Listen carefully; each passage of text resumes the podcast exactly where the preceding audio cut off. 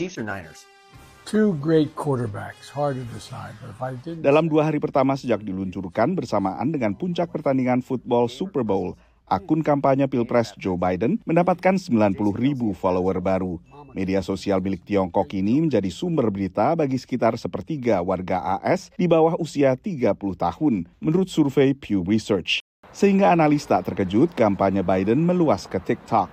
If you look at polling, uh, there's been dramatic decreases in youth support uh, compared for Biden compared to Trump. So this is, I think, one of their stronger tools to reach that group. Pada saat yang sama, pemerintahan Biden tahun lalu melarang penggunaan TikTok di ponsel dinas pegawai pemerintah federal karena kekhawatiran soal pengintaian dan penyalahgunaan data oleh Tiongkok. Again, I cannot speak, nor will I speak for the campaign.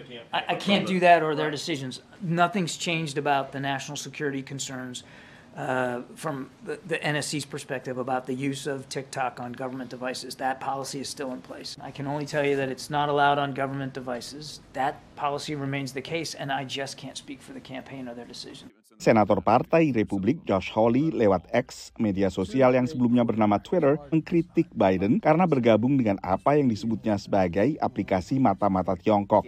Menurut kantor berita Reuters, 18 anggota Kongres dari Partai Republik telah meminta akun tim ses Biden di TikTok ini ditutup saja.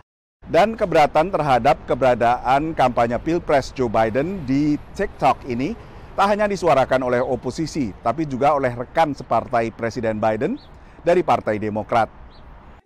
Di antaranya Kepala Komite Intelijen Senat Mark Warner.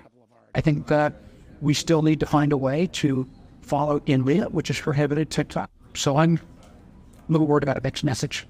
Pemerintah Tiongkok telah berkali-kali membantah tudingan mata-mata. Sementara pimpinan TikTok juga beberapa kali menyatakan perusahaannya tak terkait dengan Partai Komunis Tiongkok dan perusahaan ini terus memperketat pengamanan data.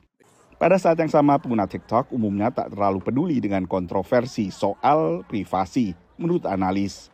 I've had a student say this almost verbatim. There are over a billion users of TikTok. Why would they care about my data?